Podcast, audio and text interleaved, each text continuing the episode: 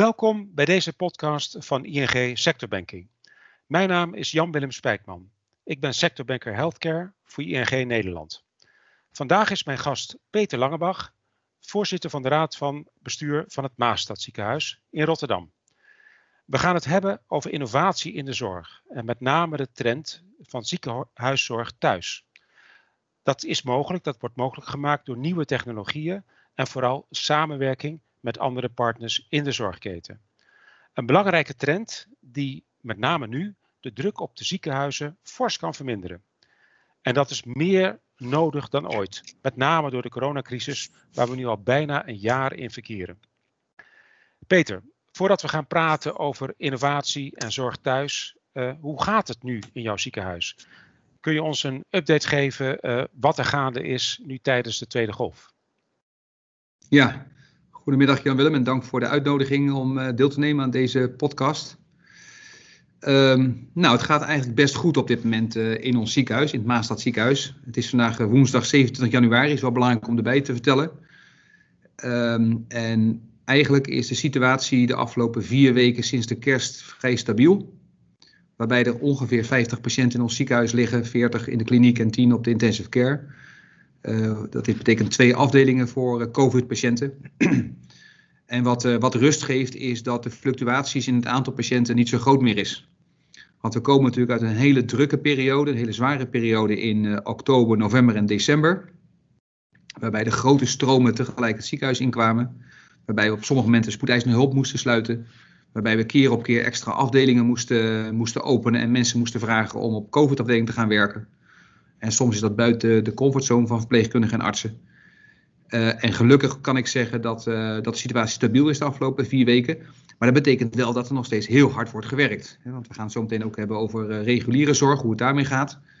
er wordt nog steeds keihard gewerkt. Ehm, ik, ik, huur ook extra mensen in om deze zorg allemaal naast de reguliere zorg te kunnen doen, dus die COVID-zorg. Dus nog steeds heel hard werken. En het thema van vandaag is innovatie en technologie. En zo goed om te zeggen, um, al bij, deze eerste, bij dit eerste antwoord, is dat het mede lukt om de toestroom van COVID-patiënten uh, op te nemen in, in ons ziekenhuis door technologie en innovaties, omdat we een deel thuis monitoren. Dus een deel van de patiënten gaat eerder naar huis, zo'n vier dagen eerder, en we meer dan 110 patiënten eerder naar huis kunnen laten gaan.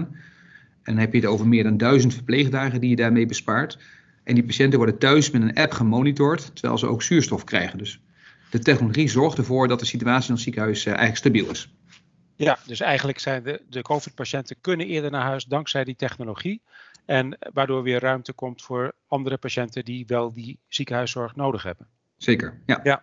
Maar hoe gaat het met je personeel? Houden ze het vol? Nou, ik denk dat, kijk, dat ja, zorgpersoneel houdt het, al, houdt het altijd vol, uh, Jan-Willem. Uh, als je in de zorg gaat, dan ben je per definitie een doorzetter en sta je altijd zeven dagen in de week, 24 uur per dag, sta je klaar voor je patiënt. Uh, dus natuurlijk houden we het vol. Uh, en wat je merkt, en dat is in de hele maatschappij natuurlijk zo, is dat iedereen moe is van al die maatregelen. Dus het is en het zware werk en intensieve diensten. En onzekerheid, uh, hoeveel patiënten er morgen weer het ziekenhuis binnenkomen met COVID, want dat blijft onvoorspelbaar. En dan heb je ook nog eens een avondklok je mag niet op bezoek bij je vader of moeder of bij je kinderen. Uh, de sport gaat niet door. Dus dat maakt het voor, uh, nou, voor iedereen, net als voor anderen in de maatschappij, wel heel erg zwaar. En iedereen ja. snakt naar een stukje perspectief. Dat is wat ik ook zelf mis in het, uh, in het verhaal van ons kabinet. Bij welke hoeveelheid besmettingen en bij welke situatie kunnen we nou weer naar versobering van de maatregelen? Ik denk dat dat heel belangrijk is. Dus wij hebben ook regelmatig zelf video boodschappen die we de organisatie insturen. En daar probeer ik zo goed mogelijk het perspectief vanuit het ziekenhuis te schetsen. Dus dat zou ik nog willen, willen meegeven aan ons kabinet. Geef nou wat sneller perspectief aan de, aan de mensen. We hebben het zo hard nodig. Ja, zeker. Nou ja, we kunnen deze maand nog antwoord geven op, uh, op uh, hun notitie Zorg voor de Toekomst. Er is nu een consultatieronde. Dus iedereen die daar ideeën over heeft, is natuurlijk uitgenodigd door de overheid om daarop te reageren. Um, ja, als je kijkt naar die ziekenhuiszorg die jullie leveren, dan zou je die kunnen indelen, Peter, in, in, drie uh, categorieën. De acute zorg en de acute complexe zorg. ook de, de planbare zorg, ehm, zoals nou ja, de operaties die mensen moeten ondergaan voor nieuwe heupen of knieën, en de chronische zorg. dat zijn eigenlijk de drie types grofweg ziekenhuiszorg die jullie ook leveren. Hoe hebben jullie dat ehm, in jullie ziekenhuis verdeeld? En, en ja, welke keuzes hebben jullie daarbij gemaakt? Ja, nou als je het goed vindt, je wil even één stapje terug nog. Want je vroeg me hoe is nu een ziekenhuis en hoe is het met personeel. Maar dan moet ik nog één aanvulling geven die, uh, over een onderwerp wat ik dan nog niet heb aangestipt. Dat is het feit dat wij nog steeds maar 60% reguliere zorg leveren. Dus die 40 à 50 patiënten die in het ziekenhuis liggen met COVID zorgen ervoor dat maar 60% van de rest van de zorg door kan gaan. Zes van de 10 OK, OK's zijn open. Ja. En dat betekent dat we nog steeds in een situatie zitten waarbij we meer dan uh, ja, ongeveer 40% van de patiënten hun zorg niet kunnen geven. En dat is natuurlijk wel een zorg uh, binnen die zorg dat je steeds meer operaties uitstelt. en dat gaat leiden tot ja, een stukje inhaalzorg voor, de, voor de toekomst. Wat je met hetzelfde hoeveelheid, krap, hetzelfde hoeveelheid personeel maar weer moet op kunnen vervangen. En dat is, dat is natuurlijk wel een enorm risico voor de toekomst. Dus even los van hoe is het in het ziekenhuis uh, en hoe is het met de medewerkers, zie je dat wij nog steeds een groot deel van de reguliere zorg aan het uitstellen zijn. En dat is wel ook belangrijk om even in het verhaal mee te nemen. Dan naar, naar jouw vraag. De vervolgvraag, die drie soorten zorg die jij, die jij onderscheidt, terecht. Acuut, electief en chronisch. Nou, misschien is het goed, en in deze podcast hebben we geen beelden natuurlijk, maar ik zit in de bestuurskamer van het Maastad ziekenhuis en achter mij, ik wijs er nu naar, Um, achter mij um, hangen op de muur de vijf ambities van onze strategie. Jij kent ze als onze bankier. Uh, die vijf ambities zijn aandacht voor aandacht, iets extra's voor onze patiënten doen, elke dag weer een goede werkgever zijn, um, kwaliteit en veiligheid op het allerhoogste niveau, een netwerkorganisatie zijn, dus veel samenwerken, daar kom ik hopelijk later ook op uh, terug in dit interview, en uh, financieel gezond zijn, wat jou aan moet spreken, en innovatief. Dus ook dat innovatie komt terug in onze ambities. En de vijfde die ik dan nog even heb overgeslagen bewust is het feit dat wij een topklinisch en acuut ziekenhuis willen zijn. Dus wij hebben, en ik vind dat cruciaal, dat je een strategie hebt waarmee je je onderscheidt van andere organisaties, andere ziekenhuizen aan de ene kant, maar waarin je ook je, uh, je prioriteit aangeeft. En bij ons is dat topklinisch en acute zorg. Dus wij willen groeien de komende jaren voor topklinisch acute zorg en wij willen misschien wel wat krimpen op de electieve en de chronische zorg. En dat krimpen dat kan door het op een andere manier te organiseren. Um, en ik denk dat het belangrijk is voor de luisteraars die uh, van buiten de zorg uh, komen, um, dat uh, wij zitten in een zogenaamd hoofdlijnenakkoord. En binnen dat hoofdlijnenakkoord, wat alle partijen in de zorg eigenlijk hebben getekend, binnen het hoofdlijnenakkoord is er sprake van een gelijkblijvend budget de komende jaren. En er is een toenemende vraag. Nou ja, dan kan iedereen een tekeningetje maken met een vlakke lijn qua budget, een stijgende Q, uh, de stijgende vraaglijn. En dan weet je dat je krap komt te zitten. En dat is ook waar wij mee te maken hebben. Dus er is meer vraag, maar er is een gelijkblijvend budget. En dat betekent dat wij of keuzes moeten maken wat we in het ziekenhuis wel of niet doen. Of dat we het op een andere manier moeten organiseren. Nou, en dan maken wij wel degelijk inderdaad onderscheid tussen hoe je de acute zorg organiseert. Want dat moet in het ziekenhuis. Een patiënt heeft acuut een ziekenhuis nodig. En dan heb je een CT-scan nodig. Dan heb je uh, de spoedeisende hulp, daar heb je een intensive care vastheid voor nodig. Dus die acute zorg, die blijven wij organiseren vanuit, uh, uh, vanuit het ziekenhuis. Uiteraard wel in een netwerk waarbij je ook samenwerkt met de ambulance dienst bijvoorbeeld. Dus, en, en de huisarts in je regio en de, de HAP, de huisartsenpost op de spoedeisende hulp. Ja, ja, maar die blijf je in het ziekenhuis faciliteren binnen de vier muren van zo'n ziekenhuis.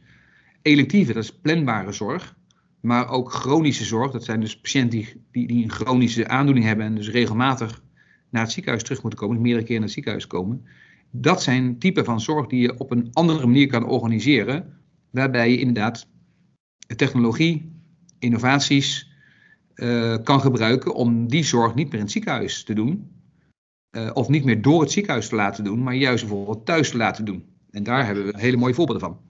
En welk deel van die chronische patiënten die polyklinisch dan uh, bij jullie komen, uh, welk deel daarvan zou uh, ook thuis behandeld kunnen worden? Kun je dat inschatten?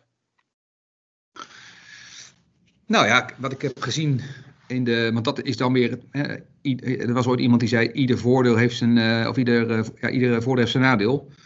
Um, of ieder nadeel heeft zijn voordeel. Ik weet eigenlijk niet precies wat de volgorde was, maar wat ik wel gezien heb in de afgelopen coronacrisisperiode, dus alweer een jaar, bijna een jaar dat we in die crisis zitten, is dat er een enorme versnelling is gekomen in die innovaties en in die digitalisering. En wij, hebben, nou, wij streven ernaar om 30% van onze polykliniek bezoeken, om die digitaal uh, te laten zijn. Het was overigens meer in de COVID-tijd. Je ziet het een beetje terugzakken. ook, ook, normaal, iedereen zakt weer terug naar zijn oude gedrag. Maar wij denken dat 30% van de polykliniekbezoeken uh, buiten het ziekenhuis kan worden georganiseerd. laten we daar even mee beginnen. Ja, dat is best ruim natuurlijk. Ja. Dat is best ruim, ja. En, en nou, daarvoor zijn, uh, daar zijn uh, tools voor inmiddels ook. Je kan telefoneren, een telefonisch consult. Je kan videobellen, uh, waarbij je ook beeld hebt. En je kan ook werken met een app. Um, en bijvoorbeeld, nou laat ik een voorbeeld geven. Als je bij ons een bariatrieoperatie krijgt, dan ga je naar huis en is er een, een soort app, een tool, waarmee die app je bevraagt hoe het met je gaat. En op basis van de antwoorden die jij zelf in die app intypt, invult, uh, wordt er tegen je gezegd of je wel of niet naar het ziekenhuis moet komen voor een vervolgafspraak. En wat ik daarin zie in, uh, in het gebruik van die technologie is dat vaak een eerste afspraak, dus de kennismaking tussen arts, en zorgprofessional en de patiënt, dat het dan belangrijk is dat het, er een fysieke afspraak is, maar dat herhaalconsulten, herhaalbezoeken aan, uh, aan het ziekenhuis, dat dat prima kan via een, een, een beeldbellen of, of, een telefonisch consult of in dit geval via een, een appcontact.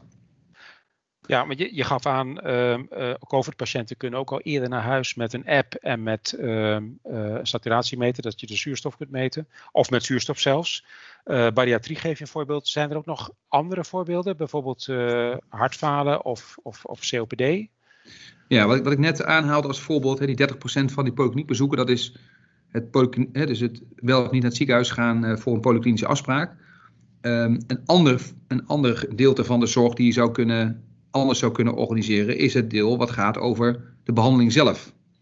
Nou, hè, daar zijn, en daar zijn ook al hele mooie voorbeelden van. Ik, ik noemde al inderdaad um, de app die kan worden gebruikt bij thuismonitoring voor COVID-patiënten, die nu wordt gebruikt in, uh, door het Maastadziekenhuis. Wat wij ook bijvoorbeeld doen, is thuis uh, hemodialyse. Een, een dialysepatiënt die, die, die, komt naar het ziekenhuis drie of vier keer per week, drie à vier uur per, per keer, om in een stoel um, uh, dialyse te krijgen. Uh, maar dat, dat, kan tegenwoordig ook thuis. Dus wij komen dan thuis en dan is er ook thuiszorg die daarbij ondersteunt, verpleegkundige die daarbij ondersteunt, waardoor de patiënt in zijn eigen omgeving die dialyse kan, kan gebruiken. Dat is voor de patiënt heel fijn om dat in zijn eigen, in zijn eigen omgeving te doen. Um, er zijn ook apps die we gebruiken. Ik noemde al de app bij de bariatrie.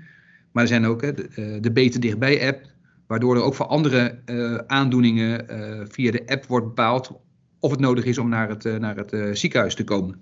Dus wat je gaat krijgen is dat, en dat is dan de deel van de electieve zorg, is dat die planbare zorg niet meer standaard leidt tot een, een afspraak één keer per kwartaal, wat vroeger gebeurde, maar dat je juist naar het ziekenhuis gaat. Dat kan acht keer per, jaar zijn als het nodig is, maar in sommige gevallen ook maar één keer voor een controleafspraak. Dus je, je krijgt veel meer dat patiënt naar het ziekenhuis komen als nodig is. En als het niet nodig is, um, dat het dan op een digitale manier, manier kan. Ja, je gaf net ook al aan, hè, eh, in samenwerking wellicht met, met thuiszorg. Um, welke partijen heb je nog meer nodig als je dit um, op afstand gaat doen, deze zorg? Ja, ik denk dat je uiteindelijk, het is een dusdanig netwerk waar je elkaar allemaal nodig hebt, is dat je niet, uh, er is eigenlijk geen partij die je kan uitsluiten. uitsluiten. Dus ook hè, de huisartsen spelen een belangrijke rol, want die komen bij de patiënt thuis of zien de patiënt in de wijk. Je hebt de wijkverpleging, de thuiszorg. Um, als het gaat over psychologische aandien, aan, psychische aandoeningen heb je de GGZ die een rol speelt. Uh, de ouderenzorg als het gaat over een, eh, een opname van oudere patiënten na aanslag uit het ziekenhuis. Is een mooi voorbeeld om dat, om dat uh, dan te geven. Een andere technologische toepassing is een slimme pleister. die wordt op twee manieren toegepast. Dat is ook dus onderdeel van de, van de chronische, chronische zorg in het ziekenhuis. Een patiënt ligt in het ziekenhuis ehm, en de verpleegkundige moet dan een aantal keren per dag bepaalde scores opnemen. Hartfrequentie, ademhalingsfrequentie, temperatuur, nou ja, enzovoort. En op basis daarvan kan een early warning score worden berekend. Waarbij je weet of een patiënt in de komende uren slechter wordt of dat het de goede kant op gaat met die patiënt. Uh, er zijn zelfs bewijzen dat je 34 uur van tevoren kan voorspellen of een patiënt op de IC komt, ja of nee. Nou, die, die, het, op, het nemen, opnemen van die scores kost heel veel registratietijd van de verpleegkundigen. En verpleegkundigen zijn natuurlijk uh, heel erg schaars, net als, net als artsen. Hè? Dus onze grootste uitdaging blijft voldoende mensen op de arbeidsmarkt weten te vinden om in het ziekenhuis te werken of, of, of in de gezondheidszorg te werken. Ja, ook dat ja. hoort bij die problematiek uit het hoofdlijnenakkoord. Nou, zo'n slimme pleister zorgt ervoor dat die, die, die registraties van die early warning scores, de onderdelen daarvan, geautomatiseerd gebeurt, dus automatisch in het EPD, elektronisch patiëntdossier, terechtkomen. Waardoor de verpleegkundige tijd over heeft om andere onderdelen van de zorg te doen. Of je kan met minder verpleegkundigen meer uh, patiënten uh, verzorgen, behandelen. Ja, dat maakt het dan natuurlijk een stuk efficiënter, ja.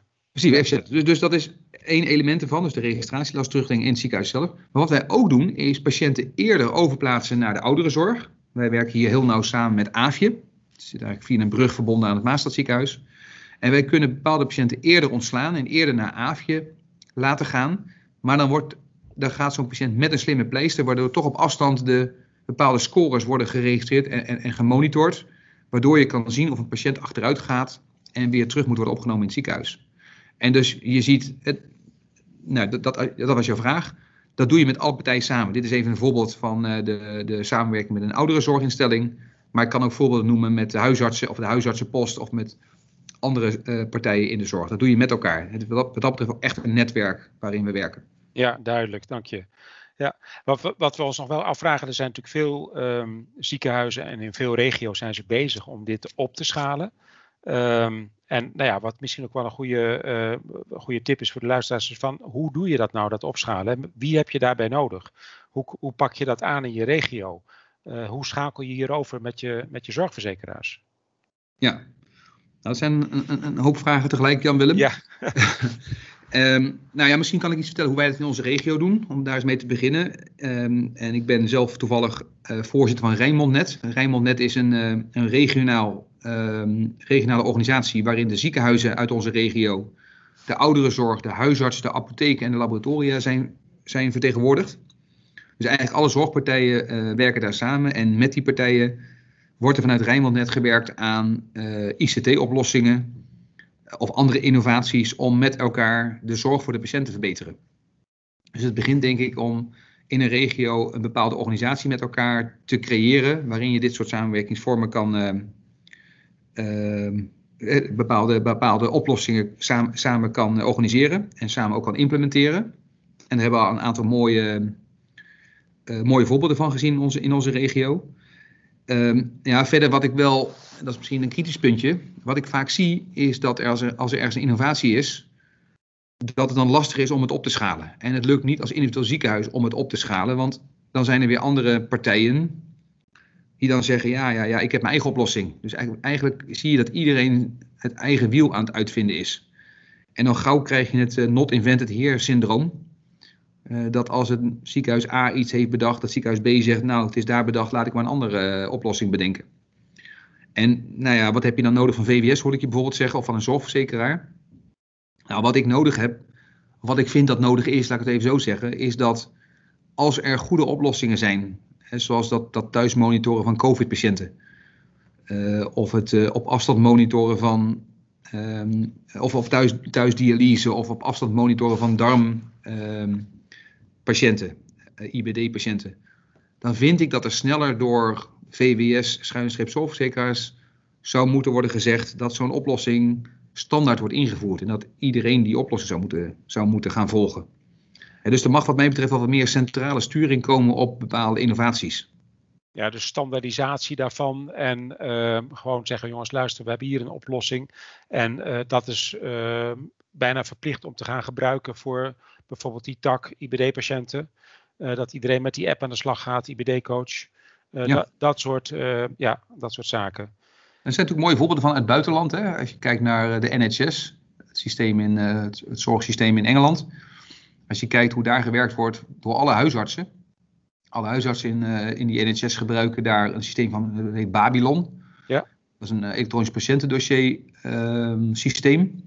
Waarbij er uh, met, via beeldbellen de huisarts contact heeft met de patiënt. En er zitten allerlei mooie technologieën in. Ehm, bijvoorbeeld er is spraakherkenning. Dus alles wat de arts zegt, de huisarts zegt, wordt direct in het dossier opgenomen. Er is sprake van uh, beeldherkenning, waardoor als een, als een huisarts iets zegt tegen een patiënt en de patiënt begrijpt het niet, het, het, systeem ziet dat er sprake is van uh, verontwaardiging of van uh, twijfelen. En dan krijgt de huisarts het advies om de vraag anders, op een andere manier te stellen. Er is sprake van, nou, op het moment dat er een recept nodig is, dat het recept gelijk naar de apotheek gaat. Er zit, AI, er zit een AI-oplossing in, Artificial Intelligence oplossing in, via uh, de IBM-oplossing Dr. Watson, heb je misschien wel eens van gehoord. Zeker. Waarbij, ja. waarbij als de patiënt vertelt dat hij bijvoorbeeld hoofdpijn heeft en dat hij dat op een bepaalde manier heeft, op een bepaalde plek in het hoofd, dan zegt het systeem al tegen de huisarts dat is voor 90% um, uh, een, bepaalde, een bepaalde kans op een bepaalde aandoening. En dan geeft het systeem de, al op basis van die artificial intelligence een advies wat de vervolgvraag zou moeten zijn. En langzaam maar zeker pel je dat af en kom je tot je diagnose als, als huisarts in dit geval. Nou, dat is een hele mooie vorm van uh, ja, een digitale manier van werken, waarbij het dossier gevuld is, recepten worden uitgeprint, afspraken voor diagnostiek worden gelijk gemaakt. Uh, het is digitaal, zoals dus patiënt en huisarts hoeven niet te reizen. En al die huisartsen gebruiken hetzelfde systeem en kunnen dus ook in elkaars dossier kijken als dat nodig is. Ja, nou, dat, dat, dat, zou natuurlijk ideaal zijn. Ja, wat, wat, we natuurlijk nu zien is heel veel regionale uh, oplossingen. Uh, wordt ook wel genoemd puntoplossingen, maar nog niet echt uh, ingebed in een, in een structuur waarbij de processen zijn georganiseerd, waarbij alle partijen weten waar het over gaat. de overheid hoor ik nu heel veel, ook in hun toekomstvisie Zorg voor de Toekomst, dat ze zoeken naar regionale oplossingen. Maar eigenlijk hoor ik jou hier ook pleiten voor sommige dingen moet je gewoon direct landelijk opschalen en snel implementeren. Dat zou natuurlijk de versnelling van de juiste zorg op de juiste plaats te, tegemoet komen. Nou, ik ben, het, ik ben het wel eens hoor, vanuit, dat dat belangrijk is dat je, dat je zaken regionaal regelt. Dus ik vind in, in onze, de, wij noemen het de, de, de regio Rijnmond-Zuid, of Zuid-Holland-Zuid, wij moeten ervoor zorgen dat, dat in ieder geval in de zorginstellingen in die regio dat daar uh, nou, goede informatieuitwisseling is tussen de verschillende dossiers en dergelijke. Nou, dat heb ik al gezegd.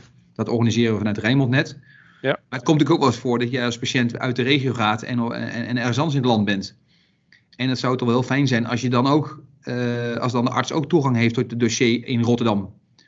Uh, en niet opnieuw hoeft te beginnen met, met, het, met het opbouwen van een dossier. Nou, daar zijn ook wel oplossingen voor. Dus natuurlijk regionaal, maar er is meer dan alleen de regio.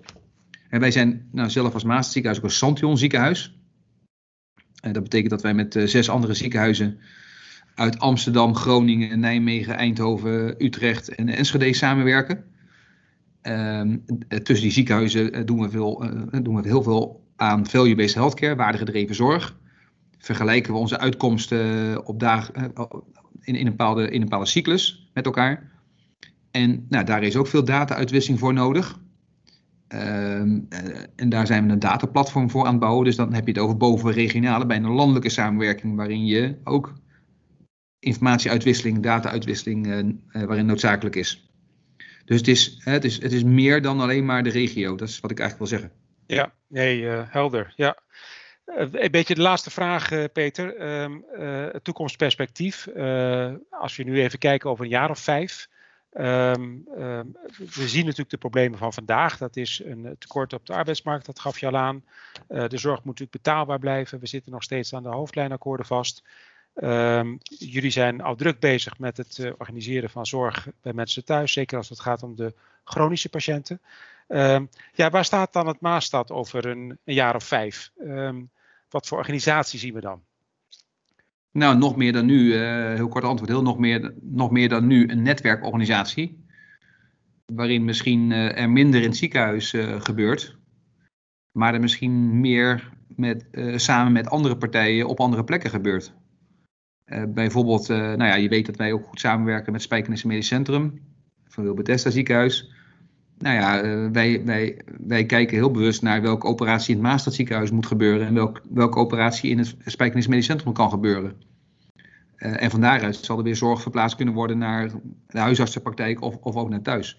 En veel hangt dan samen, denk ik, met, uh, met hoe zorgverzekeraars daarnaar kijken. En want wat je daarvoor nodig hebt, dat, dat was een eerdere vraag die je stelde, maar waar ik nog niet op ben ingegaan, is wat is dan nodig vanuit de zorgverzekeraars? En wat daarvoor nodig is, is dat dat we toch ook een ander financieel systeem met elkaar gaan bedenken. Want op dit moment is het een consumptiesysteem. Hoe meer uh, zorg wij leveren, hoe meer budget we krijgen. En ik zou veel liever uh, een lange termijn contract, dat is sowieso belangrijk. Wil je veranderingen doorvoeren, dan moet er een lange termijn afspraak zijn. Dus meerjarige afspraak met zorgverzekeraars vind ik belangrijk. En het moet niet gericht zijn op uh, prikkels waarbij hoe meer je doet, hoe meer je ook verdient. Maar meer zaken als dat er betaald wordt voor gezondheid, dat er betaald wordt voor preventie dat er betaald wordt voor zorg op de juiste plek, dat er betaald wordt voor kwaliteit. En daar heb ik ook een heel mooi voorbeeld van, dat dat kan. Want wij hebben twee jaar geleden was dat een mooie afspraak gemaakt met de drie grote zorgverzekeraars in onze, in, voor ons ziekenhuis, voor het Maastad ziekenhuis. Voor de totale acute zorg, dan heb je het over 20% van het totale ziekenhuisbudget. Dan heb je een omvangrijk deel van de zorg. En de afspraak die we maakten was dat we, ongeacht het aantal patiënten, een vast bedrag kregen maar als wij bepaalde kwaliteit zouden leveren, dan wordt dat vast bedrag een beetje meer. Haal je die kwaliteit niet, wordt een beetje minder. Dus een uh, bonus systeem zou je kunnen zeggen. Ja. En die kwaliteit werd gedefinieerd als bijvoorbeeld wachttijd voor de patiënt op de spoedeisende hulp. Of uh, als uh, het, het, samen triëren en samenwerken met de huisartsenpost op, op de eerste hulp. Het, een hogere patiënttevredenheid van, op de spoedeisende hulp. En wat ik heb gezien is dat dat heeft geleid tot hele goede prikkels, betere samenwerking, lagere wachttijden van 180 naar 141 minuten om precies te zijn, ook in het jaar dat er COVID was. Um, dus ik vind het heel mooi om te zien dat dat soort afspraken, en ook voor de langere termijn, leiden tot hogere kwaliteit en meer waarde voor de patiënt. En dat is uh, wat je vroeg, waar staat het uh, Maastadziekenhuis over vijf jaar? Het Maastadziekenhuis uh, doet nog meer of, of, vult nog meer de waarde voor de patiënt in. Wij zijn een waardegedreven organisatie.